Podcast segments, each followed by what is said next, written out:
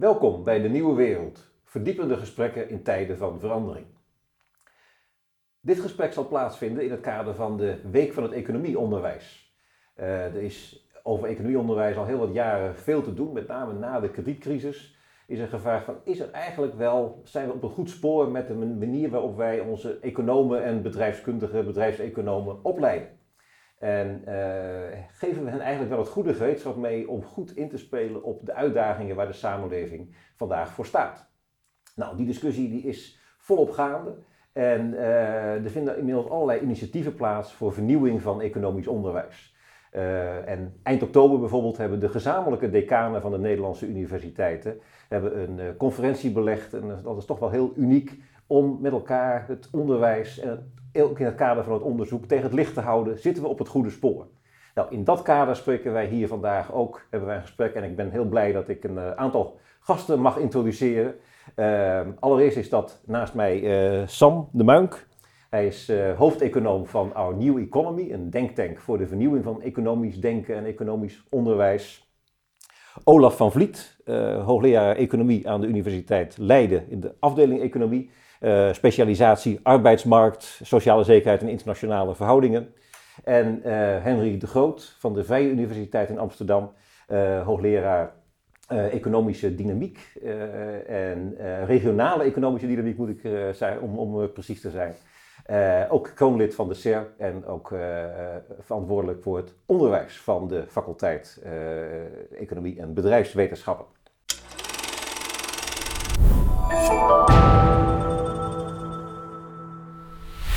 Hartelijk welkom jullie. Uh, en uh, ja, het is goed om met elkaar te spreken. Economie is een vak wat, uh, nou, ja, qua imago is het de laatste jaren er niet op vooruit gegaan, laat ik het zo zeggen. Er is allerlei eh, beelden over economen als mensen die ja, nogal een tunnelvisie hebben, star in, in cijfers zitten, modellen en de werkelijkheid en de sociale politieke context, die is een, komt op de tweede plaats. Ehm, voor mijzelf was heel interessant een boek waar iemand, uh, Rudy Verburg uit Rotterdam, momenteel mee bezig is. Die sprak over, eigenlijk laat hij zien dat economen allemaal toch wel een bepaalde gedrevenheid hebben. Waarom doen ze eigenlijk? Waarom studeer je eigenlijk economie? Waarom ben je er ermee bezig? En ik vond het eigenlijk wel goed om daar deze vraag ook hier in ons midden te, te leggen, bij jullie als economen. Uh, waarom doen jullie dit eigenlijk? Uh, Sam, jij bent nogal vrij recent economie gaan studeren. waarom eigenlijk? Wat is het mooie aan economie? Ja, uh, nou, dit, toen, toen ik het vak koos om te gaan studeren op de universiteit, wist ik nog heel weinig eigenlijk van het vak af. Dus, dus dat was een, nou ja, een keuze met hele imperfecte en beperkte informatie. um, op dat moment was voor mij de afweging, ik vond ook geschiedenis, sociologie, vond ik ook heel interessant en heel boeiend. Uh, en ik was ja, eigenlijk de laatste jaren van de middelbare scholen ja, in geïnteresseerd geraakt in wat meer maatschappelijke vraagstukken. Waar gaat de wereld heen? Uh, en toen zag ik dat economen veel invloed hebben op heel veel mhm. beleidsprocessen en, en, hoe we ja, sociale problemen proberen aan te pakken. Uh, dus toen dacht ik, ja, als economen daar een belangrijke rol in hebben, dan is dat misschien een goede richting om ook eh, op te gaan. Uh, en toen denk ik... Je wilde graag invloed. Ja, ik dacht, ja, ja, als, ja in de ivoren toren zitten en alleen voor een aantal collega's schrijven en verder weinig kunnen bijdragen aan de wereld, dat, dat leek me toch niet helemaal ja, genoeg voldoening mhm, brengen. Mm -hmm. Maar ja, toen ben ik een boekje geschiedenis van het economisch denken gaan lezen in de zomer voordat ik studeerde. En toen ja, gingen voor mij echt de ogen open van hoe, ja, hoe gaaf het eigenlijk is, die, die hele ontwikkeling van de economie. De ideeën erover, de debatten, de ja, nieuwe bevindingen. Uh, dus ja, sindsdien ja, heb ik wel het gevoel dat het een goede keuze was. En dat ik denk, ja, het is niet alleen een manier van invloed hebben, maar het is ook gewoon wijs gaaf en interessant en boeiend. Dus ja, op die manier. Ja, ja, ja, ja. Olaf, eh, jouw uh, motivatie ooit of nu om bezig te zijn met economie? Uh, ja, ja, ik ben ooit begonnen met studeren bestuurskunde was dat. Mm En nou, dan hou je bezig met vraagstukken in de samenleving en wat de overheid daar zo al aan kan doen. En toen zag ik dat eigenlijk heel veel sociale vraagstukken, die hebben ook een economische component, een, sociaal-economische component. Nou, dat heeft mij gedreven om uh, me vervolgens te verdiepen in economie en economie te gaan studeren. Mm dat zagen we verleden week ook eigenlijk terug. Toen uh, op de klimaattop van de VN uh, werd gesproken over de, over de klimaatdoelen, klimaatverandering en wat je daaraan kunt doen. En wat ik zo fascinerend daaraan vind, is dat eigenlijk iedereen het daar wel over eens is. Hè, dat we daar iets aan moeten doen. Mhm. Maar waar het eigenlijk op hangt, is op de sociaal-economische consequenties van die klimaatverandering. Mhm, mhm. Kunnen we, dat, eh, kunnen we dat economisch en financieel kunnen we dat dragen, die gevolgen? Kunnen mensen die omschakeling maken op de arbeidsmarkt bijvoorbeeld? Dus daar hangt het op. Nou, dat zie je op heel veel terreinen. ehm, die, waar, je, waarbij je misschien niet in eerste instantie denkt van nou dat heeft te maken met economie. Neem een ander voorbeeld, migratie bijvoorbeeld. Mhm. Er is ook een heel sterk sociaal-economische dimensie aan. Dus bij heel veel vraagstukken denk je niet in eerste instantie aan, aan de economische consequenties. Maar als je dan kijkt naar wat we daaraan kunnen doen als samenleving en vanuit de overheid, dan is er vaak juist wel, wel een heel sterke sociaal, sociaal-economische dimensie. Nou, dat vind ik zo fasci- fascinerend daaraan. Dus met name daar wat spannend wordt hoe je iets kunt realiseren, dan, is, dan komt de economie echt in beeld, zeg maar, om te zeggen van nou, wat, hoe kunnen we dit daadwerkelijk eh, ja, tot, tot, tot een realiteit maken? Hoe Ja, kunnen we een transitie inzetten? Eh, Precies. Ja, ja, ja, ja, ja, ja. Henry, Ja, nou ja, dat is al heel veel ja, misschien wel heel vergelijkbaar, maar je mag ook Eh, gewoon dat zelf zeggen. Om de gelijkenis te zien, misschien kijkend ook naar Sam, eh, als ik terugdenk aan, aan, aan hoe ik zelf begon. Eh, toen kreeg ik een advies om of verzekeringswiskunde, actuariaat te gaan studeren, Mhm, mhm. of geschiedenis. nou, toen wist ik het ook even niet meer. En toen ben ik uiteindelijk economie gaan doen en daar ben ik tot op de dag van vandaag blij mee. Ehm, waarom? Mhm, mhm. Ik denk één prachtig citaat eh, is van George Bernard Shaw, Mhm, mhm. een goede vriend van John Maynard Keynes, Mhm. die economie beschreef als the art of making the most of life. Ja, ja. Nou ja, goed, wat kan er nou mooier zijn dan dat eh, te mogen doen, hè? Dat, dat, dat drijft me eh, op al die verschillende schaalniveaus, Mhm. van individu tot die grote globale vraagstukken, die wereldvraagstukken waar jij het over hebt. En misschien als je me permitteert, eh, misschien wel aardig om één citaat voor te lezen, eh, wat teruggaat naar Jan Tinbergen. En ik denk dat we, zeker als Nederlandse economen, ons, hè, met de knipoog naar eh, Harry van Daan en Arjo Klamer, allemaal telkens van Telgen van Tinbergen ja, ja, ja. ja, Eh, ja, en ja. ik denk dat Tinbergen eigenlijk alles wat jullie beschreven op een fascinerende manier Mhm. verwoordt. Mhm. Ik citeer hem nu. Mag even, mag even. Naar mijn Ja. idee, hè, Mhm. zegt Mhm. Tinbergen, ligt de bestaansgrond voor de economie als wetenschap in de mogelijkheden die deze biedt bij het streven naar een rechtvaardige economische politiek. Het nut van de economische wetenschap is nergens anders te vinden dan in hetgeen zij kan bijdragen tot een betere economische politiek. Dat betekent voor mijn gevoel, hè, zegt Mhm, Tinbergen mhm. wederom, tegelijkertijd dat de gedeelten van de economische wetenschap die daarbij behulpzaam zijn, ook de meeste aandacht verdienen. Sommige zwaar theoretische punten die niet van belang zijn voor de economische politiek, zou men mens inziens dus beter kunnen laten rusten. Mhm. Het welzijn van de mensheid, daar is het in de economie om begonnen. Einde citaat. Nou, dat drijft mij als Ja, econoom. ja, en ja. ik denk dat Tinbergen het op een fantastische manier heeft verwoord. Eh, en ik wens ons allen toe dat we in die rijke traditie eh, economieonderwijs kunnen bedrijven. eh, en de samenleving een beetje mooier kunnen maken. Nou, Dat, Dat- dat, dat, dat lijkt mij. bijna een slotwoorden van een gesprek. maar we gaan graag door, want is natuurlijk de vraag is natuurlijk wel van hoe dit, nou ja, de, de grote kritiek op de economische wetenschap is natuurlijk toch met name ontstaan naar aanleiding van de kredietcrisis, zoals ik al even noemde. En dus eh, jij bent onder andere betrokken geweest bij eh, de, de, het initi- studenteninitiatief Rethinking Economics, eh, wat daar ook uit voortkomt.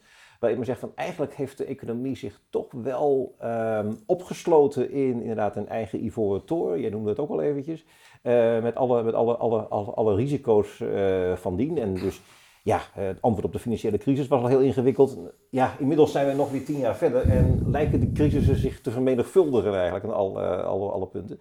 Als jullie nou eens kijken van, eh, vanuit wat er nu aan economie, eco- economie, onderwijs en economische wetenschap is, van wat zijn de grote uitdagingen waar je zegt van nou daar, daar, daar moeten we goed antwoord op vinden en dat is, zijn we misschien nog onvoldoende voor geëquipeerd eigenlijk. Hè? Van, eh, ehm, ja, mag ik jou dat woord geven? Kijk, ik, laat ik even meteen noemen, eh, Sam, want jij bent al bezig met, vanuit Rethinking Economics, hè, met het boek eh, Economy Studies.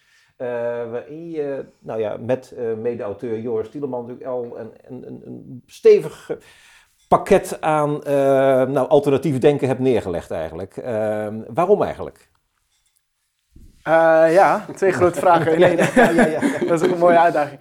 Eh, om met de laatste te beginnen, eh, we, wat hier eigenlijk aan voortging was Mhm. een onderzoek naar hoe het hu- huidige economieonderwijs eruit ziet binnen Nederland. Mhm. En nou, dat hielp heel erg met gewoon de feiten op tafel brengen van wat zit er nu in de bepaalde vakken, wat mist er vaak.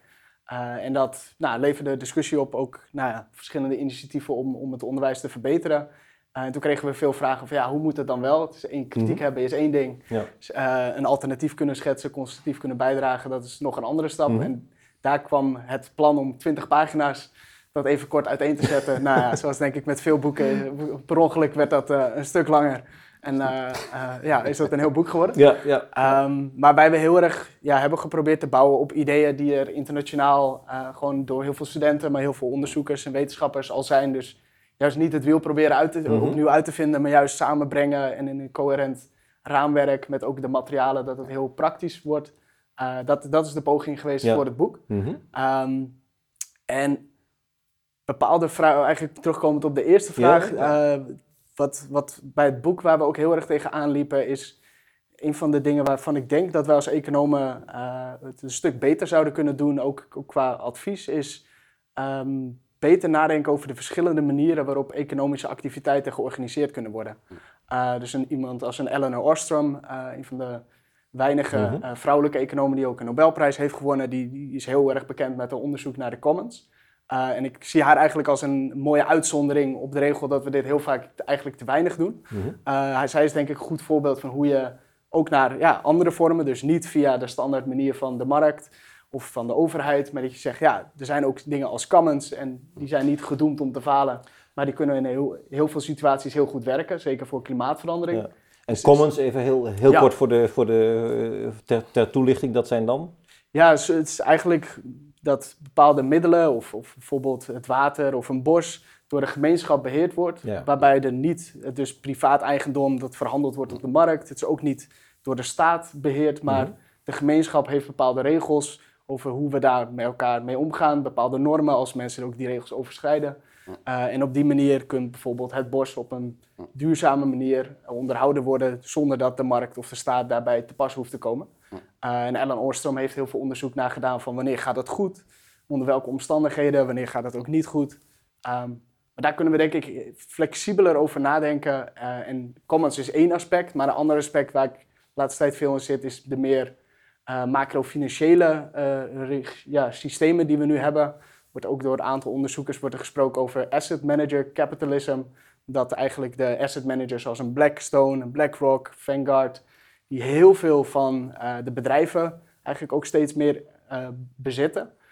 Dat dat vormt hoe bepaalde besluitvorming binnen ja, bedrijven op meer mesoniveau, maar ook daarmee op macroniveau, hoe bepaalde dynamieken in de economie plaatsvinden. En ik denk dat dat vaak, eh, ja, dat we daar als economen meer aandacht aan kunnen besteden voor hoe wordt die economie, zit die precies nou institutioneel in elkaar en welke dynamieken levert dat op. Dus jullie idee was eigenlijk, nou ja, dat, eerder onderzoek noem- noemde je al, dat die, dat die doorlichting van die, nou ja, jullie hebben eigenlijk heel veel economieprogramma's hebben jullie doorgelicht aan Nederlandse universiteiten. En eh, nou ja, op die term dat laten vallen, je zegt het neoclassiek gehalte was daar heel groot, hè, waarin de, de markt heel centraal staat. En jullie zeggen eigenlijk moet je breder kunnen, kunnen kijken dan dat en moet het instrumentarium breder kunnen, kunnen worden.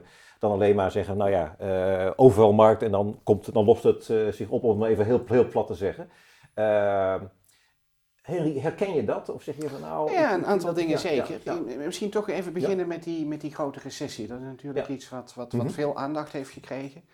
Eh, als het gaat om de vraag van, goh, hebben economen dat voorspeld? Nee, natuurlijk Mhm, niet. Maar mhm. dat is wat mij betreft ook niet de kern van waar de economische wetenschap Nee, over hoort te gaan. nee. Dat moeten we misschien überhaupt niet aan economen vragen.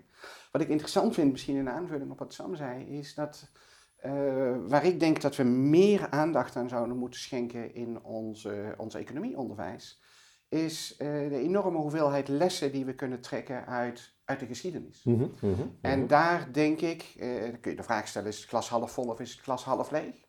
Maar als ik de parallellen zie tussen de crisis in de jaren 30 eh, en deze crisis, zowel in de oorsprong eh, als in de uitrol eh, van de crisis, is het fascinerend om daar de parallellen te zien. Mhm, mhm. En ik denk ook dat dat ertoe heeft geleid dat als ik kijk naar hoe we als beleidsmakers de grote recessie hebben aangepakt, hebben we dat vele malen beter gedaan dan in de jaren 30. Mhm. Dus in die zin ja, ben ik eigenlijk ook wel weer hoopvol Ja, ja. hè, dat we wel degelijk leren eh, van die patronen, maar dan kunnen we nog veel meer doen Mhm. door eh, meer aandacht aan, eh, aan geschiedenis te schenken. Een ander punt wat ik in zou willen brengen, en ik heb daar zelf ook wel mee geworsteld, als promovendus van Tom Verschuik eh, waren we bezig met onderwijs en heb ik met hem aan een dictaatje gewerkt, 2002. Interessant jaar daar. Ehm, waar we aandacht vroegen voor de tulpenbollencrisis. Mhm. Met als idee, we zien bepaalde patronen hier die sterk lijken op wat er in die periode in de geschiedenis En is de gebeurd. tulpenbollencrisis, even voor de, voor, de, voor de kijker even De tulpenbollencrisis, hè, de grote crisis, eh, waar eh, we dachten dat de bomen tot in de hemel eh, zouden blijven En dat was groeien. in de 17e eeuw, hè? De Dat is een 17e hele- eeuw. Ja, ja, ja, ja. En daar zagen we parallellen. Daar wilden we de studenten mee confronteren, omdat we dachten van dit is relevant. Ja. En wat je dan vervolgens ziet, en dat is ook iets wat ik leer uit de geschiedenis, en dan is het de vraag van zijn het dan de economen eh, of de politici, Mhm. dat er een neiging ontstaat om te roepen, en ik zeg het hier Reinhard en Rogoff na, this time is different. nu Ja, ja, ja. kan het wel doorgaan. Mhm, mhm. Ja, en is dat dan de econoom die eh, zijn best doet om gehoord te worden, maar waar het een boodschap is die onwelgevallig is? Mhm, mhm. Of is het politiek waar het misgaat? Nou, ik Mhm. denk dat we precies dat snijvlak, dat we dat veel meer op moeten zoeken. Dat we veel meer dat debat aan moeten gaan. En eigenlijk moeten gaan, gaan herbronnen van hoe ons vakgebied ooit begonnen is in de tijden van Adam Smith. Toen ons vakgebied nog political economy heet. Ja, ja, Ja, dus dat is een andere component waar we volgens mij veel meer aandacht aan moeten schenken om nog constructiever dat glas niet half vol te laten Mhm, zijn, mhm. maar drie kwart vol te Mhm, laten mhm, worden, mhm. om bij die volgende crisis zo mogelijk nog relevanter te zijn. Ja, ja, dus ik zie ja, hier vooral, ik, ik ben wat dat betreft niet zo pessimistisch, Nee, je bent wel, maar zie wel bepaalde- noodzaak Een bepaalde groei zie je daarin wel in, het, in de wijze waarop economie en politiek samenleving tot elkaar verhouden. Dat je Ja. wel, daar, we hebben ook wel daadwerkelijk geleerd, maar we kunnen nog veel meer leren En- eigenlijk. eh, ja. En dat moeten we doen. Hè? Dus dus helemaal eens met alle richtingen die je schetst. En eh, ik zie daar ook dingen gebeuren. Altijd trager dan dat me lief is. Ja. Maar ik zie die beweging wel degelijk. Ja, ja. Olaf, je zit midden in nou, ja, de termen eh, sociale zekerheid, arbeidsmarkt eh, als, als, als econoom. Eh, hoe, hoe kijk jij hier tegenaan? Eh, de, uitdagingen waarvoor we staan en Ja. eh, de, hoe, hoe, hoezeer economie daar in de huidige vorm toe geëquipeerd is? Ja, we hebben in de afgelopen week ook een interessant debat gezien in de krant en op sociale media Mhm, mhm. over de ontwikkelingen in het vakgebied economie. En ik denk dat het van belang is om daar twee dingen ook uit elkaar te trekken. Mhm. Dus ik denk dat we terecht constateren met elkaar dat in de afgelopen 30 jaar of zo, dat we hebben gezien dat de economie eh, zich heeft verbreed. Hè. Dus we doen bijvoorbeeld, eh, denk aan de opkomst van de behavioral e- economie, de, de, de, van, de, van de gedragseconomie, maar ook de aandacht voor empirisch onderzoek en voor nieuwe methoden als eh, experimenten. Ik denk dat die verbreding zich met name heeft eh, voltrokken in het onderzoek. En misschien nog in iets mindere mate dat, dat, dat, dat we dat zien gebeuren in het onderwijs. Ja, ja, ja. En wanneer we dan, naar het dan, wanneer we dan kijken naar het aanbod van het onderwijs, dan zie ik denk ik drie, drie zaken waar we denk ik aan zouden kunnen werken. De eerste is dat we volgens mij niet uit het oog moeten verliezen hoe van belang, eigenlijk wat jij zegt ook, die aansluiting met maatschappelijke vraagstukken, maatschappelijke ontwikkelingen, dat we ook in het onderwijs voldoende aandacht blijven besteden van eh, nou ja, de, de, de wereld om ons heen. Mhm. Eh, het, eh, dat was het eerste. Het tweede is denk ik heel erg van belang als we studenten opleiden, die, gaan voor, die, die komen te werken bijvoorbeeld op ministeries, hoezeer van belang het is om ook iets te weten over de instituties en het beleid eh, ja, waar, waarmee ze gaan werken straks. Dus eh, natuurlijk is het een, een belangrijke vaardigheid om eh, nou, bijvoorbeeld iets af te weten van, van wiskunde en de wiskunde binnen de economie. Maar het is ook van belang Mhm. dat je weet hoe je de Rijksbegroting leest Mhm. en welke instituties er bestaan. als we kijken naar de arbeidsmarkt bijvoorbeeld of naar de sociale zekerheid. hè. Dat is toch voor een groot deel waar onze studenten mee, gaan, mee, gaan, mee, mee gaan, mee gaan werken. Ja. Het tweede. En het derde ehm, eh, zou ik zeggen dat die verandering in het, economie, in het economieonderwijs is van belang. Eh, maar het hoeft niet overal op dezelfde manier te gebeuren. Mhm. Dus ik, ik vind het economieonderwijs, het academisch economieonderwijs is wat eenvormig. Hè? Als je kijkt naar de faculteiten die we hebben in Nederland, prachtig. Eh, en het lijkt best wel op elkaar. Mhm. Waarom zouden we niet zeggen, nou ja, het is prima als we aan de ene faculteit een heel eh, sterk neoclassieke opleiding hebben. Op een andere faculteit doen we heel veel aan wiskunde. Op een andere faculteit doen we heel veel aan heterodoxe economie. En weer op een andere faculteit doen we veel aan eh, beleidseconomie en toepassing op de maatschappelijke vraagstukken. Ja. Eh, dus ik zou, die, ik zou wat minder eenvormigheid willen zien eigenlijk. En daarmee ook wat meer ruimte creëren om die ontwikkeling, die jij heel mooi heeft beschreven in het boek, nou ja, om die te kunnen laten plaatsvinden. Ja, ja, ja. ja, ja. Nee, dat is inderdaad wel iets wat je dan eh, ziet inderdaad van nou, eh, eh, wat zou het ook betekenen dat je zegt van nou, we willen studenten ook, ook bewuster wat be- eh, bewust maken van de context waarin ze, in ze staan. Dus dat je zegt van nou, eh, de, eh, de Nederlandse begroting leest anders dan de Duitse of de Amerikaanse eh, Ja. enzovoort. En dat je dus dat in die zin natuurlijk internationalisering is een groot goed, maar tegelijkertijd ook contextualisering. Ja, dat een heel belangrijk element zou, zou eh, zijn. Hè?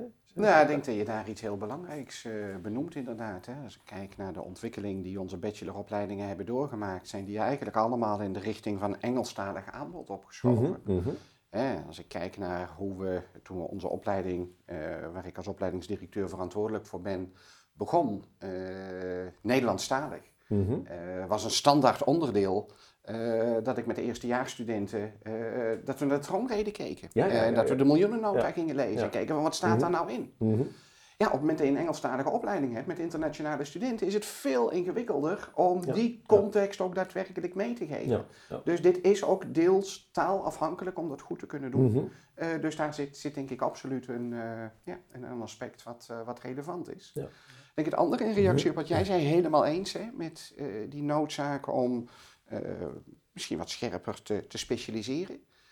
En tegelijkertijd wens ik ook alle studenten toe dat ze die pluriformiteit van ons vakgebied allemaal ervaren.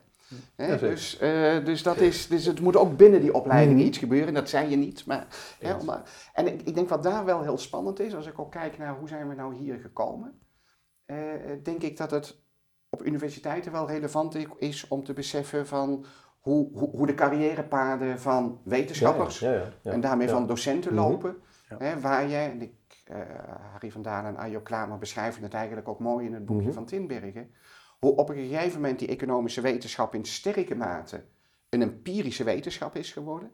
Ja, en je carrière toch in sterke mate bepaald wordt door de mate waarin je overtuigende papers weet te schrijven, waar je echt causale Mhm. relaties kunt Mhm. blootleggen. Mhm. Hè? Dat is een heel Ja, dominante ja. stroming binnen de economie geworden.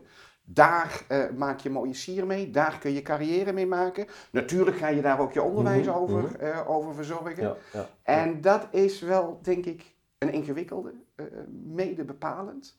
Waarbij tegelijkertijd, en die vind ik ook wel spannend naar die grote vraag die Jan Tinbergen Mhm, op tafel mhm. legde.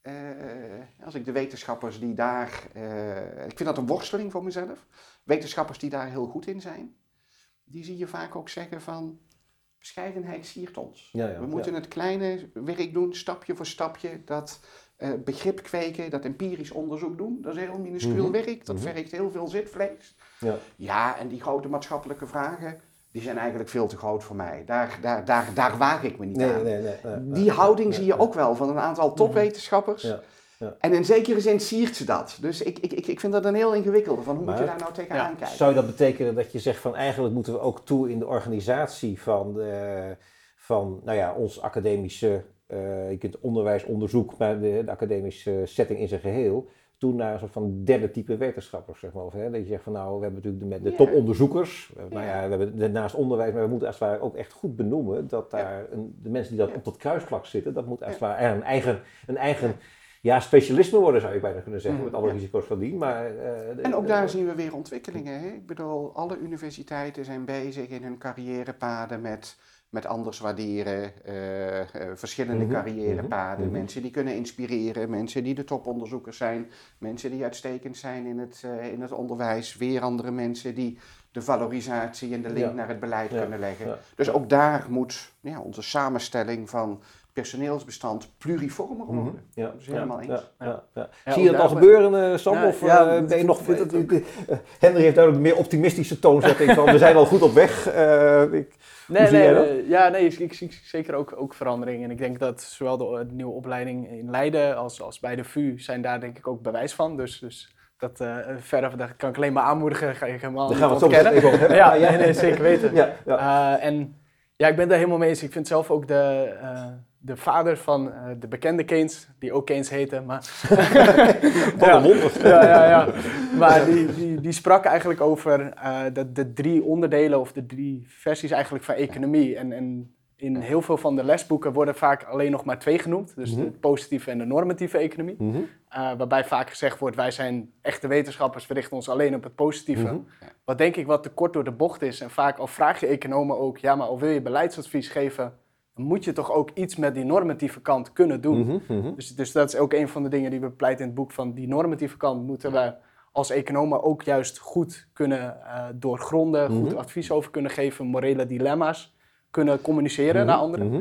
Maar eh, de vader van Keynes, die zei, ja, er is nog een hele andere, derde belangrijke, de art of economics. Mhm. Dat gaat eigenlijk over het in de praktijk toepassen. Mhm. En dat is inderdaad een veel, ja, messier, dat is veel, veel moeilijker. En dan moet je met ja, de beperkte kennis, moet je toch maar een stap zetten en een poging wagen. Mhm. Dus daarom zegt hij, ja, het is een kunst. Het is Ja, geen ja. exacte wetenschap. Dat kan je niet perfect berekenen wat nou optimaal is om nu te doen. Nee. Ehm, maar ik denk dat heel veel van het onderwijs is inderdaad gericht op kunnen publiceren in de toptijdschriften. Mhm. Mhm. Terwijl het overgrote deel van de studenten gaat dat nooit doen. Nee, nee, die gaat nee, bij een bedrijf of bij de overheid of bij een andere organisatie aan de slag. En die gaat, naar mijn inziens, veel meer de kunst van economie moeten bedrijven dan Ja. de echte wetenschap. Ja. Die gaat geen paper schrijven, Nee, die nee. moet eh, de notitie voor de minister Ja. moet die voorbereiden. Ja, ja. En dat is echt een ander soort vaardigheid en kennis die je daarvoor nodig hebt. Ja, ja. ja, dan kom je dicht bij wat, eh, hè, ik ben toch, filo toch filosoof, eh, hè, dat je bij wat bij Aristoteles dan praktische wijsheid heet eigenlijk. Hè? Dat je echt wel in een bepaalde context weet verschillende afwegingen te maken en het is geen ja, rocket science in de zin van dat je dat, dat, dat, dat, dat kunt berekenen, maar wel tegelijkertijd het, het integrerend vermogen van heel verschillende aspecten en heel Ja. verschillende dingen die je moet, tegen elkaar moet afwegen eigenlijk in een bepaalde context dan tot een bepaald, nou ja, in ieder geval advies komt. Hè? En Ja. ja. ja, jullie nieuwe opleiding, als we daar even eh, op eh, die, die eh, we zitten hier aan, aan tafel met, met mensen die eh, nou, een nieuw een boek geschreven hebben over eh, hoe het, e- eh, het economieonderwijs moet vernieuwen.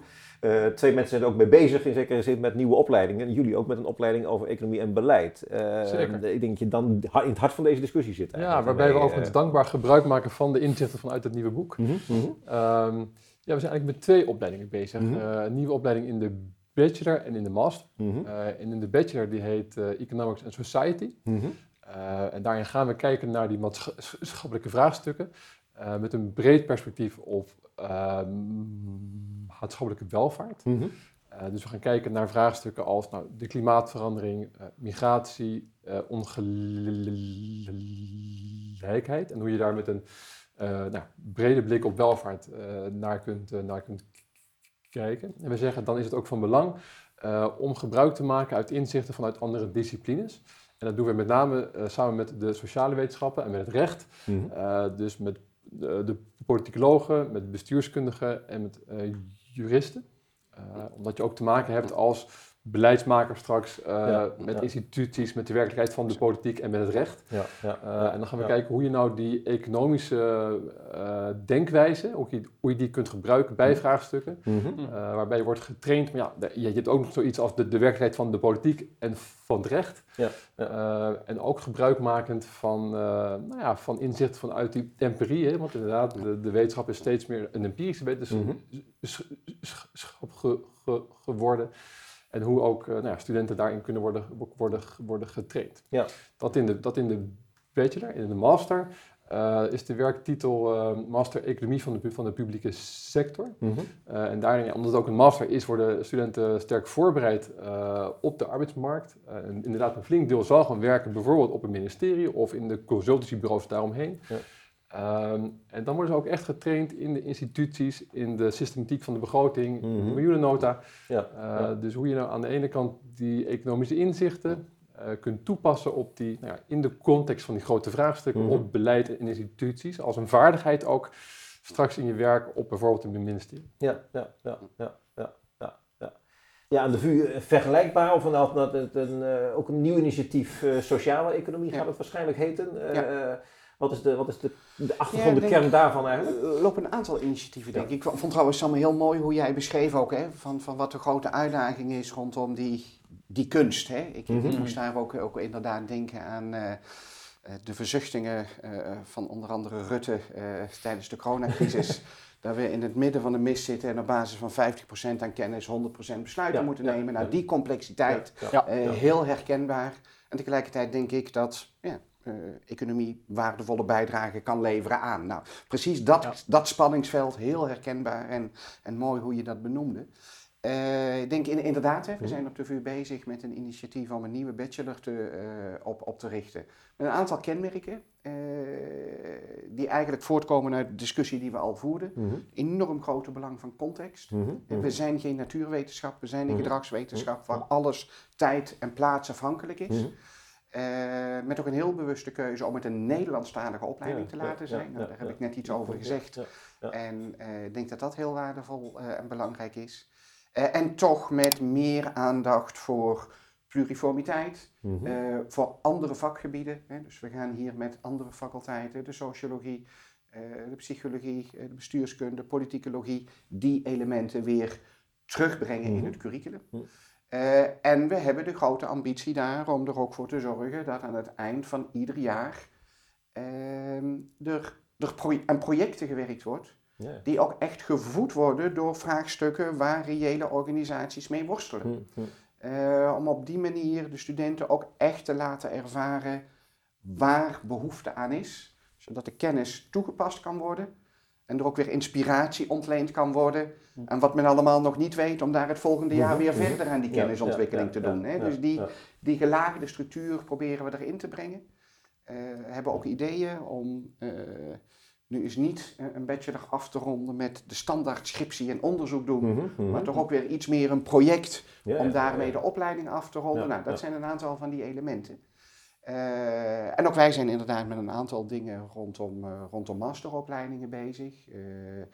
Binnen de eh, Master Economics eh, zijn we ook echt na aan het denken over hoe kunnen we die master nou wat meer openstellen voor mensen die wel geïnteresseerd zijn in economie, Mhm. maar niet per se die hele eh, eh, bachelor economie hebben gehad. Eh, ja, eh, ja. Public Economics and Policy Mhm, noemen we mhm, die variant binnen. Ja. nou, fascinerend ook om te zien hoe het discours binnen colleges echt verandert. Op het moment dat je daar mensen met een andere basisachtergrond uit de Ja, bachelor aan toevoegt. hè? Dus nou, daar zijn we mee aan het, eh, aan het spelen. En ik denk, wat, wat jij ook zei, Olaf, de, ehm, eh, de noodzaak om de grote maatschappelijke thema's centraal te stellen. En daar geloof ik wel heel sterk in specialisatie, juist op dat masterniveau. Om na te denken van waar zitten er nou onderzoeksgroepen die de grote maatschappelijke thema's centraal stellen. En daar vervolgens in een onderwijsprogramma eh, op voortborduren. Ja, ja, en ja, daar ben ik persoonlijk eh, trots op de opleiding die we in de master hebben op het gebied van Spatial, Transport en Environmental Economics. Mhm. Grote uitdagingen die bepalend zijn geweest voor de inkleuring die we gegeven hebben.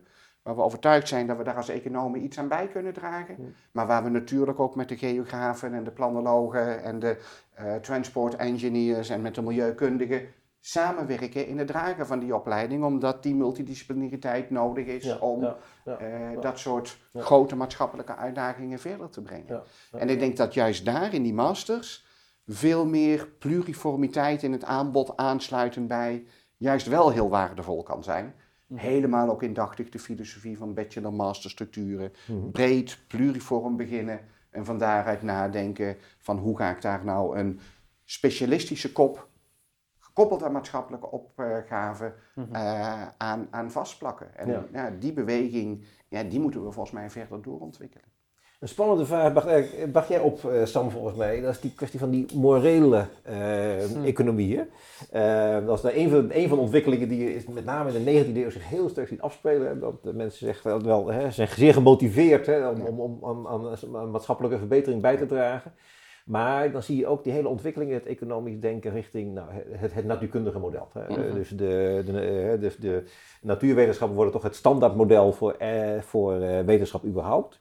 En eh, men wordt dan heel bang langzamerhand. Er komt een hele kwestie van de ware vrijheid. hè. je moet als het ware geen normatieve uitspraken doen. hè. wij, wij dragen de middelen aan. eh, de socioloog Max Weber wordt er natuurlijk heel beroemd mee. eh, de po- politici stellen de, de doelen. En eh, dan krijg je toch een soort van instrumentele visie op, op, op wat wetenschap is. En tegelijkertijd zit er ook een bepaalde wijsheid in. Hè? Eh, politisering en ook een bepaald risico. Nou, dus dat lijkt me, dat lijkt me met waar we het nu over hebben toch echt volop een dilemma, op zijn minst eh, te zeggen. Nou, als jullie zeggen, van, we zijn bezig met inderdaad, een, eh, we willen meer, ja, dat, dat, dat de beleidsadviezen enzovoort, dat mensen daarvoor geëquipeerd worden.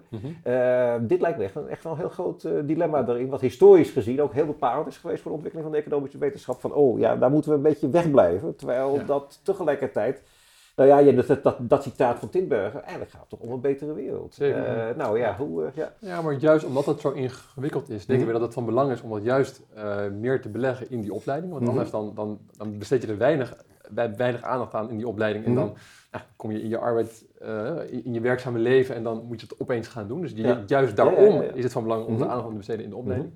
Ja. Ehm, daarnaast denk ik dat je, wat je eerder zei, die, die, die eh, daadwerkelijke afwegingen, ja, die, zijn natuurlijk wel, die blijven natuurlijk wel aan de politiek. Mhm. Want anders kom je ook, dat, helemaal wat je aan het begin zei over dat de economie als discipline in een wat minder positief daglicht is Mhm. komen te staan sinds de financiële crisis. Mhm. Ik heb dat altijd in, een ingewikkelder gevonden. Hè? Want Mhm. zeg maar, de besluiten die zijn genomen door eh, financiële spelers op, op, op, op, op, op Wall Street bijvoorbeeld. Ja, dat is echt wat anders dan eh, wat de econoom doet aan, eh, aan een Nederlandse universiteit. Dus, dus, Ja, ja. eh, nou, du- du- dus dat is echt een belangrijk verschil. Nou, zo ook met eh, de politieke beslissingen die worden genomen straks en het werk wat een beleidsambtenaar doet met een training in de economie. Mhm. Eh, Dus ja, ja, ja, we moeten mensen trainen in die normatieve vraagstukken, Mhm. eh, zonder dat nou die politieke beslissingen die daaruit volgen, eh, dat dat de opbrengst is van de economische wetenschap. Mhm. Ja. Ja. Misschien daar- Ja. daarop aan te haken. Ik, ehm, wat, hoe wij het ook, ook in ons boek eigenlijk bepleiten, is inderdaad juist aandacht voor besteden. En inderdaad niet zeggen, econoom, ga nou de hele tijd op de stoel van de politiek zitten. Mhm. Juist niet. Mhm.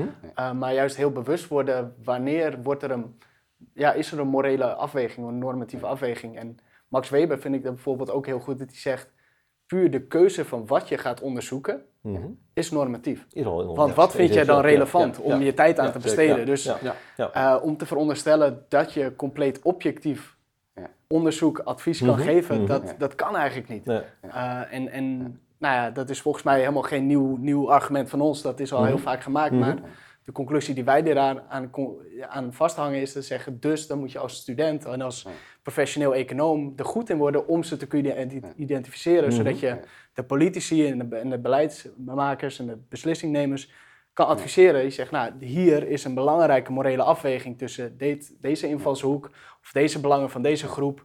Uh, en, en dat we dat op een heldere manier kunnen communiceren. Want dat is wel echt een rol voor de econoom. Die dan vaak snapt hoe de technisch allemaal in elkaar zit. Dus als het over de financiële markten gaat. Ja, je kan niet zeggen het is aan de politicus Mhm. om de belangenafweging tussen verschillende groepen te kunnen identificeren. Nee, Mhm. daar heb je technische kennis voor nodig. Mhm. Om die morele dilemma's scherp in kaart te kunnen brengen. Ja, Dus dat is denk ik echt een rol die economen moeten spelen en. Ja. ja, beter voor opgeleid kunnen worden. Ja. Uh, een beetje terugkomen op de financiële crisis. Ik vind vaak dat we wel scherp moeten zijn. Er zijn heel veel, of heel veel, er is een groep economen die het wel aan zag komen.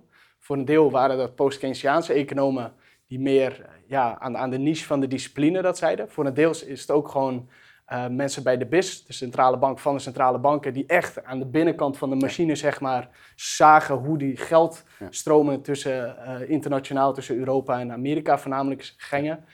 Die waarschuwden 2003, 2005, maar wel telkens aan de kant werden geschoven omdat het binnen het ja, gangbare gedachtegoed niet paste. Mhm. En dat ook dus echt ja, economen die vaak ook natuurlijk bij de centrale banken heel veel beslissingen nemen, aan de kant werden geschoven als, nou ja, dat zijn, dat zijn zorgen, maar die zijn niet goed gegrond. Ja. En nou, Mhm. uiteindelijk bleek dat natuurlijk wel goed gegrond. Ja. Dus dat is volgens mij ook dat we die Ja. andere soorten kennis uh, over Ja. hoe zit die financiële sector in elkaar. Volgens mij hebben we dat eigenlijk gewoon nog steeds te weinig echt geleerd. Ja, ja, ja. ja, Dus we hebben wel gezien hoe relevant het is, Mhm, maar dat mhm. echt meenemen in onze analyses, Ja, dat ja. moeten Ja, we volgens zeker. mij nog Ja, steeds meer doen. ja, Eens. ja, Ja. ja, ja. Ik vind het nu heel verleidelijk om een hele discussie over de introductie van de euro te gaan doen. Ja, ja, ja. Nou, laten we daar ook laten we dat over een ander ja, ja. gesprek doen. Ja. Nee, ik We houden wat even we terug op dat, op dat normatieve en dat ja. positieve. Eh, het is altijd toch wel interessant om toch ook eventjes in herinnering te roepen dat Adam Smith vooral ook een moraalfilosoof was. En, zeker. hè, Ja, op die ja, manier ja, eh, ja. na wilde denken over. Ehm, wat, ik, wat, ik, wat ik belangrijk vind om hier ook te beseffen is dat eh, economie op een gegeven moment wel erg is opgeschoven in de richting van efficiëntie heel erg centraal stellen. Mhm, ja. Eh, en de maatschappij is daarin meegegaan. Ja. Hè? Ik bedoel, je kunt zeggen van, god, dat is door de economen gebeurd. Maar we hebben natuurlijk sinds Thatcher en Reagan eh, een eh, dominante manier van inrichten van onze samenleving gezien. ja, die niet per se alleen maar vanuit de economen voortkomt, maar dat efficiëntiedenken, dat eh, van minimale kosten een maximaal resultaat eh, bereiken. Eh, nou, dat heeft heel centraal gestaan. Mhm. Dat zijn ook golven in onze maatschappij. Hè? Ja, en ik ja, denk dat we nu ook kunnen zeggen van, goh, nu zitten we op een top. En nou ja, eh, gaat dat allemaal weer wat terug? Kijk naar de discussies over de NS. En eh, Mhm. je ziet ze overal zich, eh, zich ontvouwen. Eh, als het gaat om dat vraagstuk van, die, eh, van dat normatieve, eh, denk ik dat we als economen ook eh, op bepaalde momenten wel wat meer bescheidenheid aan de dag moeten Mhm, leggen. mhm. Eh, om ervoor te zorgen dat dat normatieve niet vertaald wordt naar enkel en alleen efficiëntie.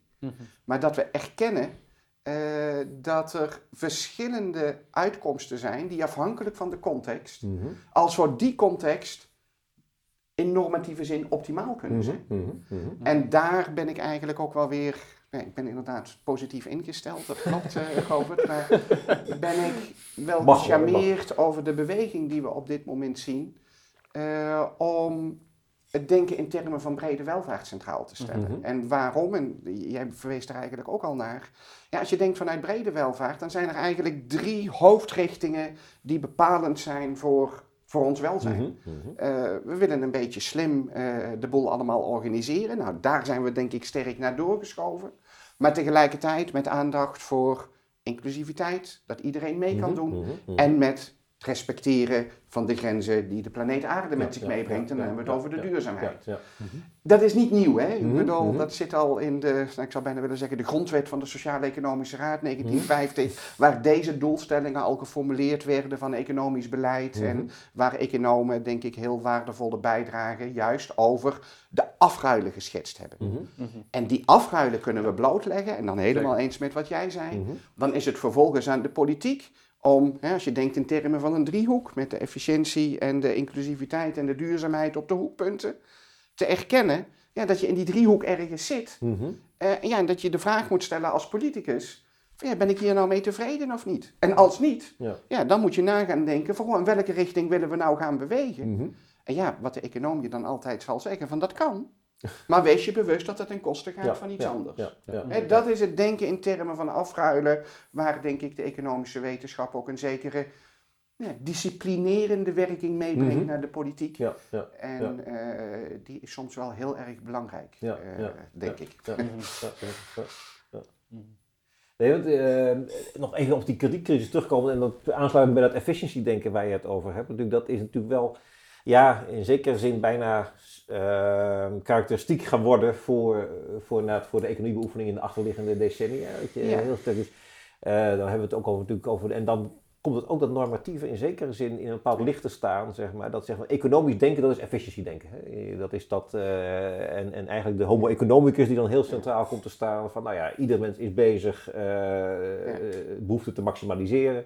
En eh, andere manieren waarop, nou ja, ook je ook institutioneel, maar ook sociaal en psychologisch ook met, eh, met eh, gedragseconomie naar mensen kunt kijken, die zijn ook wel echt weggeschoven uit het beeld. En dat, komt, dat lijkt weer terug te komen, maar dat is ook wel, lijkt me, want je kunt eh, de kredietcrisis kun je zeggen van ja, dat waren geen economen, dat waren beleidsmakers enzovoort. Tegelijkertijd waren die ook wel op een bepaalde manier, die beleidsmakers ook gevoed door een bepaalde vorm van economisch denken, waarin daar dat, dat homo economicus wel heel erg centraal stond. Dus ik zeg altijd wel zo van ja, in zekere zin heeft de kredietcrisis ook is veroorzaakt door, nou mede, hè, doordat we mensen hebben ook een bepaalde manier opgeleid met een bepaald mensbeeld, met een bepaalde manier waarop je kijkt. Ehm, en, en, en eigenlijk zit er nog dus, dus die laag daaronder van een verbreding. Nou ja, het- het, het, daar waar mensen coöperatief zijn. eh, en dat blijkt ook uit die, juist uit die gedragseconomie blijkt het heel interessant te zijn. Dat mensen bijvoorbeeld ook sociale preferenties hebben bijvoorbeeld. Hè? Dus eh, relaties zijn belangrijk eh, enzovoort. Dat is, dus, dat is nog een wat fundamentelere verschuiving die daar ook wel aan zit te komen volgens mij. Die ja, denk ik... Maar ook, ik, ja. ik, ik denk, Govert, als ik Ja. mag, ik, ik denk dat we hier inderdaad toch echt op moeten passen Mhm. dat we geen karikatuur schetsen van wat de economie Mhm, is. mhm, Eh, de dingen die jij beschrijft herken ik helemaal. mhm. Eh, ik roep daar graag, eh, een prachtig eh, interview ook in het Financieel Dagblad, eh, precies een week geleden. Eh, de Nederlandse Economendag, eh, Mhm. de conferentie van de Koninklijke Vereniging van de Staathuishoudkunde. Ja, ja, ja, van de oudste beroepsverenigingen ter wereld. Eh, waar Ernst Veer, een enorm gerespecteerd econoom, zeer wijd geciteerd, prachtig onderzoek liet zien. Waaruit duidelijk wordt dat economen inderdaad niet selfish zijn. Daar heeft hij de toptijdschriften Mhm. mee bereikt in, in ons vakgebied. Dus die inzichten zijn er. Die moeten we veel meer communiceren. Mhm, hè? mhm, Helemaal mhm, eens. En ons onderwijs moet zich daar aanpassen. Maar eh, de manier waarop het efficiëntiedenken in de politiek en in de uitvoering dominant is geworden, Ja. is niet één op één toe te schrijven aan Nee, nee, wat nee, economen prediken. hè? Dus ik probeer die iedere keer uit elkaar te halen. en, natuurlijk, hè, houd me ten goede, eh, economie heeft wel degelijk bijgedragen aan. Mhm. Eh, maar ja, tegelijkertijd denk ik ook, eh, een onderdeel van die brede welvaart is toch ook, ja, dwingt ons om na te denken hoe het, nou, het proces een beetje efficiënt organiseren. Mhm. Ik bedoel, Mhm. eh, ja, waarom zouden we duizend dollar biljetten op straat laten liggen als ze zo voor het oprapen liggen? Ja, dat Ja, ja. is een economische manier van Mhm. denken, maar dat zou ook zonde zijn. Ja, ja, ja, ja. ja. Olaf, eh, hoe, hoe, hoe eh, positioneer jij jezelf hier in, dat, eh, in dit debat over, dat, nou, over, dat, over, dat- over die fundamentele, ja, dat mensbeeld, ook die discussie? eh, ja. nee, ik ben het er helemaal mee, Mhm. mee, mee eens. Ehm, ehm, ehm, ik ben het helemaal mee eens. Dus, dus, dus je, je kunt niet inderdaad de gebeurtenissen op, op de financiële markten bijvoorbeeld toeschrijven alleen aan het efficiëntiedenken wat zou komen vanuit de economie. Dat is eh, er werken ook eh, juristen en andere mensen op die financiële markten en die Ja. zitten ook in de politiek. Ja, ja, Precies wat je zei, dus ja, zeker. Ehm, en tegelijkertijd, hè, de, de keynote eh, verleden week op de Nederlandse Economendag. nou, daar werd inderdaad heel mooi geschetst en laten zien van, dat er nou, veel bredere inzichten tegenwoordig zijn, vanuit de gedragseconomie bijvoorbeeld. Mhm. Eh, maar ik denk dat we die eh, inzichten nog meer kunnen laten terugkomen in Mhm. het onderwijs. Hè. Mhm. Dus dat ik ook wat ik, wat ik in het begin Ja, zei, ja, ja, dus het onderzoek is inderdaad de afgelopen 30 jaar flink verbreed. Mhm. Eh, en daarbij loopt het onderwijs nog wat achter. Ja, ja, Dus, eh, ja. En wat zouden, als je dan die gedragseconomie noemt, hè, wat, wat zijn dan heel concreet dingen waar je dan aan denkt, eh, waar die verbreding zich dan kan manifesteren? Ik bedoel, Nou, wat, zijn de, wat zijn daar belangrijke inzichten die daaruit gekomen ja, zijn? nou ja, dus zeg maar, het begint sowieso al met een, een vak gedrag, gedragseconomie in, in de bacheloropleiding. Nou, Mhm. Steeds meer bacheloropleidingen die hebben dat. Maar vervolgens is ook nog de kunst om eh, dat, ook toe te passen in actuele vraagstukken. Mhm, Dus hoe, mhm. hoe pas je die inzichten uit die gedragseconomie nu toe op vraagstukken over eh, pensioenen, over vraagstukken over eh, andere sociale verzekeringen, vraagstukken over beleid, be- beleid op het gebied van klimaat bijvoorbeeld en verduurzaming. Eh, dus, dus die toepassing uit, uit, uit die, eh, die inzichten van, vanuit het onderzoek. eh, nou, dat is sowieso nog een vraagstuk, hè, ook voor, Mhm. voor, voor onderzoekers en voor beleidsmakers van hoe moet dat, maar dat moeten we ook nu gaan doen in het onderwijs om studenten daarin te, daarin te Mhm. trainen. Maar wat, maar wat, als je nou dan, eh, wat, wat, kun je een voorbeeld geven wat dan een belangrijk inzicht ligt uit, de- uit, uit, de, uit de gedragseconomie? Ja, nou ja, bijvoorbeeld, bijvoorbeeld hoe je dingen framed. Hè. Ik bedoel, een klassiek voorbeeld, maar, maar, maar de framing van, van, ehm, eh, van, van, van, van opties die mensen hebben, dat is ontzettend be, be, be- Ja. bepalend. Mhm. Eh, als je bijvoorbeeld een keuze maakt eh, nou, voor, voor een type verzekering of een type pensioen bijvoorbeeld, of, of als je een keuze maakt wat voor energie je wilt, je wilt inkopen, of eh, wat voor type onderwijs je wilt gaan Mhm, volgen, mhm. of, of je wilt gaan bijscholen of Mhm. niet gedurende je werkende leven. Eh, nou, hoe je dat framet en presenteert aan mensen is ontzettend van, van belang. Ehm, de keuze die ze maken, zeg maar, in de zin van als je eh, stelt bijvoorbeeld, nou ja, ik, ik heb ooit dat, dat, dat, dat artikel van Amartya Sen over rational fools, hè, dat die, eind de jaren 70, waar die ook zegt van eigenlijk hebben mensen, eh, dat, eh, dat vind ik wel heel, voor mij heel eh, waardevol inzicht, dat mensen hebben sets of preferences, zei die, eigenlijk, die eigenlijk onherleidbaar zijn. Dus je hebt zoveel moral preferences en die kun je wel actu- actualiseren, die kun je triggeren, zeg maar. Mhm. Maar als je ze niet, niet triggert, even door, door die framing, ja, dan wordt, het, dan wordt het ook niet onderdeel van de keus. Maar als je zegt van, nou, maar vindt u ook niet dat het goed zou zijn als een product wat u heeft, hè, als eh, nou ja, de spijkerbroek die u koopt, ook daadwerkelijk, dat u weet, dat is gewoon goed, qua arbeidsverhouding is dat goed geweest, zeg maar. Ja. En er zit geen kinderarbeid in. Ja. Dat kun je triggeren, je kunt niet triggeren, zeg ik. Alleen de prijs kun je triggeren. En dat vind ik met, die sets of preference vond ik eigenlijk wel heel, een heel interessant inzicht, wat me altijd bijgebleven is eh, daarin. Maar dat, dat, dat zit een beetje in deze lijn En of eigenlijk. een heel, of een heel ander, voorbeeld is, wat is de, wat is de standaardoptie? Hè? Dus, dus, dus eh, je- wat is de standaard? En je, je kunt er actief van afwijken. Nou, een voorbeeld, eh, dat speelt aan de universiteit bijvoorbeeld ook in een aantal gemeenten. Is een heel, heel plat voorbeeld, maar Mhm. is als je een borrel eh, eh, hebt, is dan de, de bitterbal met vlees de standaard en kun je actief vragen naar de vegetarische bitterbal? ja. Of is de vegetarische bitterbal de standaard en moet je actief vragen naar de... Ja, dat maakt ontzettend uit, want als je de vegetarische de standaard maakt, dan zullen er meer mensen vegetarische bitterballen gaan eten. Ja, bijvoorbeeld, eh, zo'n simpel voorbeeld. Ja. dat is een inzicht vanuit de, de, vanuit de gedragseconomie. En dan kun je ook toepassen in het aanbieden van financiële producten of in verzekeringen of noem maar Ja. op. Ja. Ja. Ik Ik zou hem ook, andere- ook, ook kunnen toepassen op economie, onderwijs zelf. Eh, Dat van welke eh. theorieën leren we studenten als eerste aan? Ja. welke Ja. presenteren we als ja, default option ook Ja. qua het economisch denken? Ja. Eh, maar ook om hem nog, nog wat te nuanceren, want ehm, het onderzoek en het onderwijs zijn zeker niet één op één. En ik ben het helemaal mee eens. Er zijn heel veel ontwikkelingen in het onderzoek die nog niet vertaald zijn naar het onderwijs. Daar is volgens mij heel veel werk te doen. Ehm, maar tegelijkertijd is het ook niet dat het onderwijs of eh, het onderzoek enorm pluriform is geworden. Uh, dus ik heb een aantal jaar geleden eh, ook onderzoek gedaan naar de Nederlandse proefschriften en welke eh, theoretische scholen daarin wo- Mhm, worden genoemd. mhm. En dan zie je heel duidelijk dat vanaf 2005 tot 2017, 18 uit mijn hoofd, eh, de opkomst van gedragseconomie heel duidelijk is. Ja. Eh, dus die was aan het begin van die periode heel klein, werd bijna niet genoemd in Mhm. proefschriften. En aan het eind werd het bijna in elk proefschrift wordt het genoemd. Ja. Ehm, dus die, die opkomst is heel duidelijk. Maar bijvoorbeeld andere aanpakken, meer gericht op instituties, institutionele economie of meer complexiteitseconomie, dat je gaat kijken naar systeemdynamieken, Mhm. Ja. of evolutionaire economie, of nu Ja. met eh, de ondernemende staat bijvoorbeeld. Nou, post-Keynesiaanse, er zijn allerlei andere scholen die nog steeds heel weinig aan bod komen. Eh, dus, dus ik denk dat we ons ja, Ja. daar ook, ook kritisch naar onszelf moeten blijven en, en niet alleen maar fel- feliciteren dat gedragseconomie is opgekomen, Nee, waar ik ook blij mee ben. Ja, hoor, Uh, eens. maar dat ik denk, ja, volgens mij zijn er nog andere inzichten die nog steeds meer aandacht zouden kunnen krijgen. Ja, dat brengt mij ook bij de vraag vanuit van wat, wat, wat zien we als... eh, nou, je hebt al even genoemd, dus straks ook al de carrièrepaden, hoe die nu ontworpen zijn. Eh, maar wat zijn eigenlijk...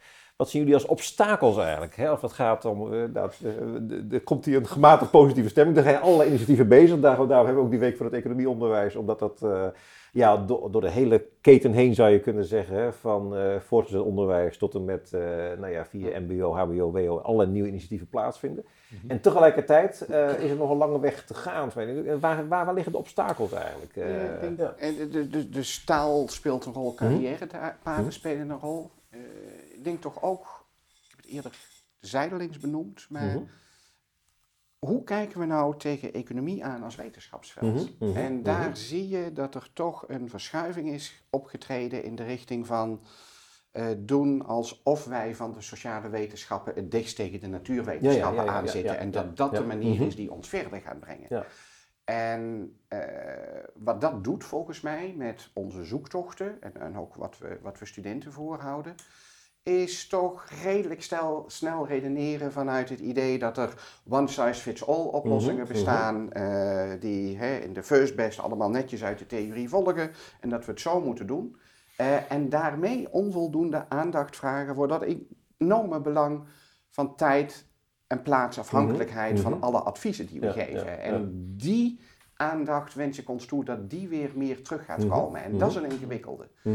Ehm, hè, Nou, als ik, klopt, hè? Dat, eh, dat, dat, dat, dat gaf je ook al aan. Maar wat zie je als, als, als, als obstakels, als moeite? eh, Wat, wat, wat, wat, moet overwonnen worden eigenlijk daarin? Eh, ook, Nou ja, ook in kijk, institutionele zin. Van, eh. van een stukje is het denk ik ook, hè, maar dat, dat is een kwestie van perspectief. Hè? Mhm. Eh, dus ik herken helemaal wat je zegt. Ik noem net hè, de, eh, nou, het eh, eh, Economics 101 inzicht. Je had het over klimaatverandering. Nou, voor de economie is dat heel simpel. Mhm. Je kijkt naar wat het verschil is tussen de eh, marginale sociale en private kosten. Daar zit een gat tussen, dat is je CO2-belasting en dan ben je klaar. Mhm. Eh, nou, en, en, en vaak stoppen we daar. Ja, ja. Ja. Tegelijkertijd is dat wel een belangrijk inzicht als een soort benchmark die wel degelijk heel waardevol is. En wat al best ingewikkeld is Mhm. om dat studenten bij te brengen. Mhm. Dus op een gegeven moment moet je in een programma ook keuzes maken. Mhm. Eh, en, en, en, en het is voor mij altijd ook een beetje de valkuil van die pluriformiteit, hoe mooi dat die ook is. Maar je moet op een gegeven moment de basiskern ook wel echt goed beheersen. Ja, ja, ja. Eh, voordat je die complexere vraagstukken gaat be- eh, behandelen. Ja. En dan is voor mij inderdaad altijd, als we die optimale CO2-belasting hebben afgeleid, ja, dan moeten we na gaan denken. hè, dat we uit de literatuur weten dat subsidies vele malen efficiënter zijn volgens allerlei gedragsinzichten dan equivalente belastingen. Ja, dat moet ons tot denken stemmen. Mhm. Eh, moeten we nadenken over transities en hoe brengen we die op gang? En hoe is in het begin misschien een subsidie en een stukje regulering, waar economen over het algemeen van zeggen van mooi, regulering is ingewikkeld, misschien toch nodig om zo'n transitie op gang te brengen. Ja. Maar voordat je daar kunt komen, ja, moet je die basis ook wel goed in de vingers hebben en kunnen begrijpen. En dat vind ik ook nog wel een dilemma. In, in hoe, hoe ontwikkel je het onderwijs nou verder? Ja, ja, ja, Als ja. ik daarop- De institutionele dilemma's, nou nog even. Ja, ja, ja, ja, ja. Nee, dat, Ja, eh, ja, de dus als je- obstakels, wat... Ja, eh, wat nou, dat zijn we zelf denk ik. Ja, daar zijn we zelf bij. ja, ja. Ehm, nou, wat wij bijvoorbeeld doen bij onze afdeling eh, is, is dat we, dat we ehm, in de zin van wat waardeer je nou? Hè? Mhm. Eh, nou ja, dus je waardeert dat je ook breder gaat waarderen. Dus dat je ook het waardeert als iemand beleidsrelevant onderzoek doet Mhm. met maatschappelijke impact. Eh, dat je niet alleen maar focust in de waardering Mhm. op eh, publicaties in iJournals. Ook Ja. moet je ook doen, is ook Mhm. mooi, is ook van, van Mhm, belang. Eh, maar je moet het ook waarderen als iemand een heel interessant uh, toegepast stuk schrijft en publiceert in bijvoorbeeld de ESB.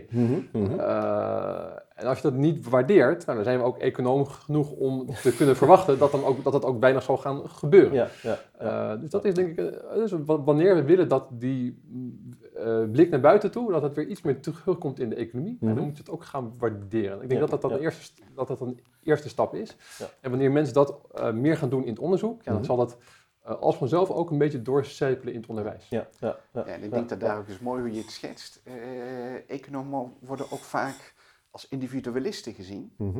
En ik denk dat het mooi zou zijn als we afdelingen eh, eigenlijk ook meer als teams gaan zien. Waar iedereen zijn eigen Ja, ja. expertise in kan brengen. Ja. Eh, die familie van Tinberg Mhm, die we met mhm, elkaar mhm. zijn in Ja, Nederland, ja, waarin ja. iedereen zijn eigen bijdrage naar. eh, Waar niet iedereen levert. alles hoeft te niet kunnen, iedereen hetzelfde in, hoeft te eh, doen. ja, ja, ja, ja, ja, ja, ja. ja. Waar staan we over Zou tien nog- jaar? Zou ik nog mogen- Ja, we gaan over, dan Ja, kan je dat ja, meteen ja, pakken. Ja, een paar dingen. Want, we- om, om aan te sluiten op, op hoe zien wij, zeg maar, wat, wat is de definitie eigenlijk? Of hoe zien we onszelf als discipline? Dat is Mhm. precies ook de reden waarom we de titel hebben gekozen Economy Studies. Wat Mhm. een beetje klinkt als tautologie. Dat we zeggen, jongens, de economieonderwijs zou moeten gaan over leren over de economie. Mhm. Ehm, en in het Engels is hij dan iets specifieker. Economics should be the study of the economy. Ehm, en dat is volgens mij ons wel echt een discussie in het, in het vak, vak. Van, gaat het over kennis hebben van bijvoorbeeld de Nederlandse economie? Snappen we hoe de verschillende instituties in elkaar zitten? Wat de economische vraagstukken zijn? Of gaat het over een bepaalde technieken, manier van denken, werken met econometrie, met bepaalde aannames en daar goed in zijn, ongeacht Mhm. welk onderwerp je Mhm, bekijkt? mhm. Ehm, en volgens ons, als je zegt het gaat over de economie leren begrijpen, is er ook een nieuwe basis. Dus hoe wij het zien is, is dat neoclassieke theorie niet per se altijd de basis zou moeten zijn vanuit waar we gaan vertrekken. Uh, en ik ben het helemaal eens, pluriformiteit kan heel uh, in de extreme zin dat je zegt je moet altijd in één keer twintig perspectieven naast elkaar aan de student Ja. proberen over te brengen. Dat werkt didactisch Nee, gewoon niet. nee, nee, Uh, nee. dus, dus wat wij daarin voorstellen om een meer pragmatische aanpak. Ja. Dat je wel zegt tegen studenten, ook een beetje dus vanuit die gedragseconomie. Je moet niet één optie presenteren en daarna stoppen.